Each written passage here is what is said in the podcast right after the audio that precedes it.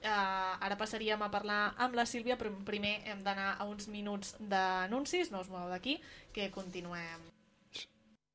Que avui em sembla que vens molt romàntica, oi? Sí, sí, exacte. Avui vinc una mica romanticona i us parlaré de dues pel·lícules que a mi personalment doncs, les trobo molt, molt entranyables, són molt boniques.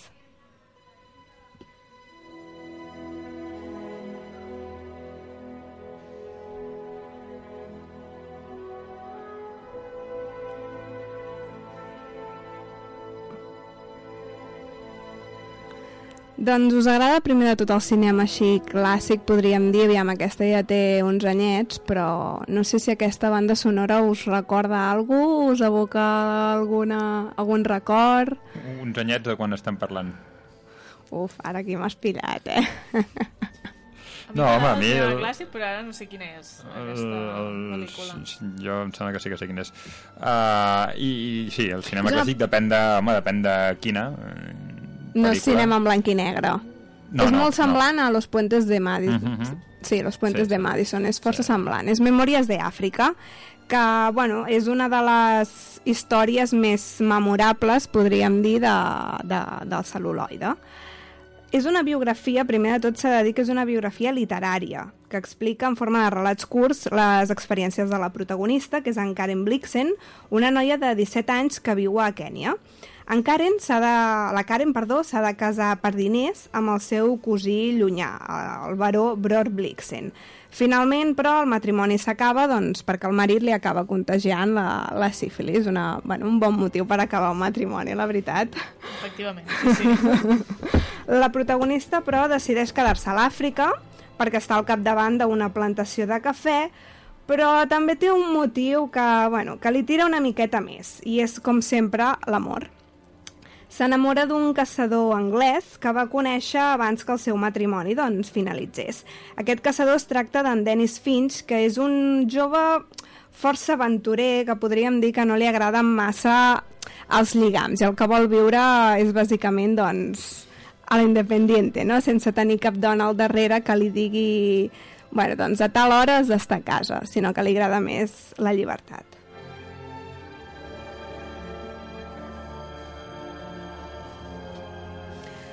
El llibre es va publicar el 1937 i és considerat una radiografia de la vida colonial a l'Àfrica perquè no només se centra en la història en d'amor de la Karen i en, i en Dennis.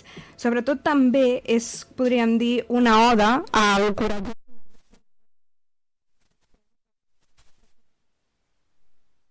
doncs perquè va, bueno, escull saltar-se les normes que imposa la societat i el que vol bàsicament és viure lliurement i ser feliç. I això en aquella època doncs costava, no és com ara que bàsicament si no ets feliç en el teu matrimoni doncs et divorcies i ja està, abans estava molt mal vist. La majoria de vosaltres imagino que coneixereu aquesta història gràcies a Meryl Streep i Robert Redford, la pel·lícula, si més no, no sé si l'heu vist, l'heu sí, vist? Sí, sí, sí. Què t'ha semblat? Sí, home, és maca. Sí, és, sí, bonica. Sí, és bonica. És bonica, és bonica. És bonica. doncs el director Sidney Pollack va aconseguir traslladar aquesta gran història, aquest clàssic del drama romàntic a, a la gran pantalla i hem de dir que va tenir molt i molt d'èxit, una gran acollida. La pel·lícula, però, se centra més en el matrimoni de, dels Blixen i sobretot en la tòrrida història d'amor de, de Karen i, i el caçador Salvador. Un cop més, la pel·lícula també es tracta d'un relat molt senzill, però que a la vegada és molt poètic, no només pels diàlegs que tenen els dos protagonistes, sinó també una mica per tot el voltant de, bueno, que són els paisatges d'Àfrica, la sabana, unes cascades impressionants, superboniques, és a dir, que qui vegi aquesta pel·lícula es pot fer una idea de, de l'essència d'Àfrica. És, és increïble la, la imatge.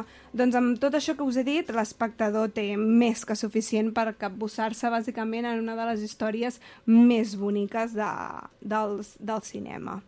M'encanta, és, és preciosa. Sí, és que aquestes, és que aquestes històries, aquestes històries d'amor m'encanten. Sí, sí. Doncs, mm, si algú no l'ha vist, l'haurà haurà de fer cas a la Sílvia i... No, jo no l'he vist, jo no l'he vist I- encara. és sí molt bonica. I és una de les pel·lícules que també eh, la televisió ens dona més d'una Sí. possibilitat de manera reiterada eh, a, a Exacte, veure-la, això és sobretot ara a l'època de, de Nadal sol, sol caure, no? Sí, sí, això és Alguna veritat. Per, per cadena. TV3, sobretot, Mhm, mhm. les, les posen molt, sí, sí. Aquesta i la, la d'abans, la que he comentat de Los Puentes de Madison, També. aquestes dues les posen, les posen molt. Doncs si abans estàvem a Àfrica, doncs tornem a Europa i exactament ens traslladem a París, la ciutat de les llums.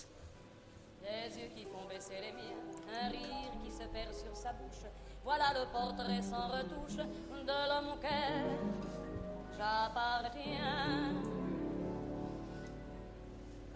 Doncs aquesta mítica cançó és la banda sonora de la història d'amor entre Sophie i Julian, que són els protagonistes de Quiéreme si te atreves.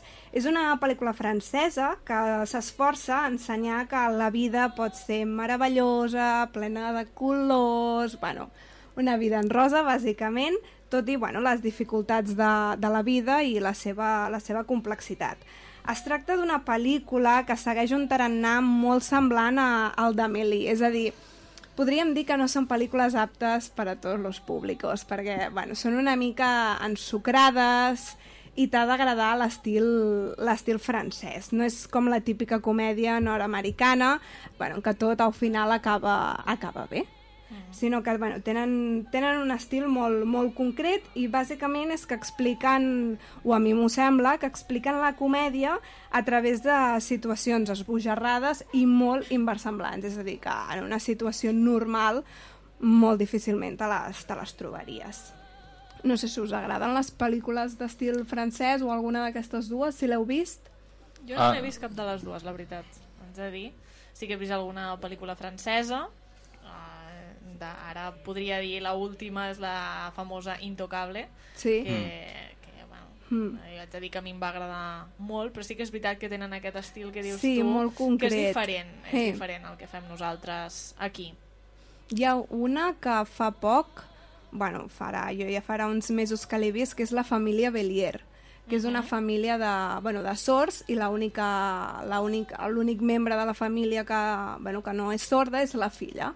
I bàsicament explica una mica no, quins són els obstacles als que s'han d'enfrontar doncs, els altres membres de la família i com ella els ha de, els ha de resoldre. És molt, és molt bonica la, la pel·lícula, sí, que si no l'heu vist. Jo aquesta la, la volia veure, si em feia gràcia. La vaig veure anunciada, vaig dir, "Mm, guaita, té... Està- pot, ser, pot ser interessant. Està força bé. A mi, la veritat que sóc bastant fan dels films francesos i... Bueno, a mi m'agrada molt. Les comèdies sí que he de dir que és un registre molt i molt específic i t'ha d'agradar molt aquest estil de, de comèdia, romanticisme, perquè jo conec a gent que la pel·lícula d'Amélie no la vol veure ni en pintura. Jo, jo ho anava a comentar, jo he vist Amélie i l'únic Sí. que m'agrada és la banda sonora, perquè realment he intentat, o sigui, l'he vista, al final ho vaig aconseguir veure-la, però vaig intentar tres o quatre cops i, i deia, no, no, és que no És puc, que si no, puc, i un sí, dia vaig si dir, no o la veig t'agrada- o vamos, i, i no, no em va agradar gens. Sí, la, la banda sonora una passada, i les imatges de París també, però la pel·lícula, de veritat que... Ah, doncs jo l'he vist i a mi, tant aquesta com Intocable, també, el- totes dues a mi m'han agradat molt. També ets a dir que són les dues úniques pel·lícules franceses que m'han agradat i he vist bastant cine francès i he arribat a la conclusió que excepte doncs, pel·lícules com aquestes puntuals No és lo tuyo. a mi el cine francès Hi ha no. una altra que també és molt bona, però ara no, no recordo com es diu, que és un grup d'amics i que un d'ells bueno, ha patit un accident i que finalment acaba, acaba morint i els altres amics se'n van a, a la platja Mm, i bueno, explica una mica no, com lidien amb aquest problema de el vaig a veure, si no el vaig a veure què pensarà una mica aquesta situació, també com la gent aparenta, per exemple, perquè hi ha un protagonista que sempre aparenta molt, té molt mal caràcter, i un d'ells doncs li diu, bueno, li posa els peus a terra i li diu, escolta, que estem aquí en família, que no cal fingir, ja sabem que tens problemes, i bueno, posa una mica les cartes sobre la taula i bàsicament els hi diu, vosaltres esteu de vacances mentre el vostre amic s'està morint. La veritat que està molt bé perquè et fan, bueno, et fan pensar Estan, estan, estan molt bé. Ara no recordo com, com es Sí, diu. té, ja... un nom, té un nom així molt llarg. Mi último verano no és... No, Ara no, no- no, sé no, què és de- no sé què de totes les coses, em sembla. Sí, ara no ho Això, recordo. No sé. Sí, Està, però està molt bé. Bueno, doncs la pel·lícula aquesta de Quiéreme si te atreves bàsicament se centra en dos amics de la infància que juguen a capaz o incapaz. Al principi tot sembla un joc molt, molt innocent, però a mesura que els protagonistes es van fent grans, doncs la situació canvia. Els actors que encarnen aquests dos joves són la Marion Cotillard i, bueno, aquest nom que em costa una mica... Mm, algú m'ajuda? Guillaume, Guillaume Canet, no sé. És força famós, però aquest nom a mi ja aquí Costa, m'ha espilat. costa. Marion Cotillard sí, però l'altre no. Doncs aquests dos actors són els que apareixen en aquest romanç destinat bàsicament a destruir les vides dels dos personatges. Capaz o incapaz és la frase que no deixa de repetir-se durant tota la pel·lícula i podríem dir que és semblant a allò que fèiem de petits de me quiere, no me quiere. Aquest joc el que fa és posar a prova l'amor que senten un per l'altre i és una relació d'autodestrucció i d'amor-odi que al voltant d'una comèdia romàntica podríem dir un tant especial. Presenta una estètica molt dinàmica i colorida, com he dit abans, doncs et vol ensenyar que la vida pot ser molt meravellosa, tot i els problemes que, que tenim. Hi ha moments de tensió entre els personatges, però també el sentit de l'humor d'ells dos doncs, el que fa és suavitzar la, la situació. I bueno, el que m'agradaria saber és que si vosaltres haguéssiu de definir la vostra vida a partir d'una pel·lícula, quina, quina escolliríeu? I si ens podem quedar en el registre romàntic, doncs millor. Ostres, doncs no ho havia pensat Ostres. mai, això, eh, la veritat. En quina pel·lícula em podia definir? No ho sé, no ho sé, de veritat.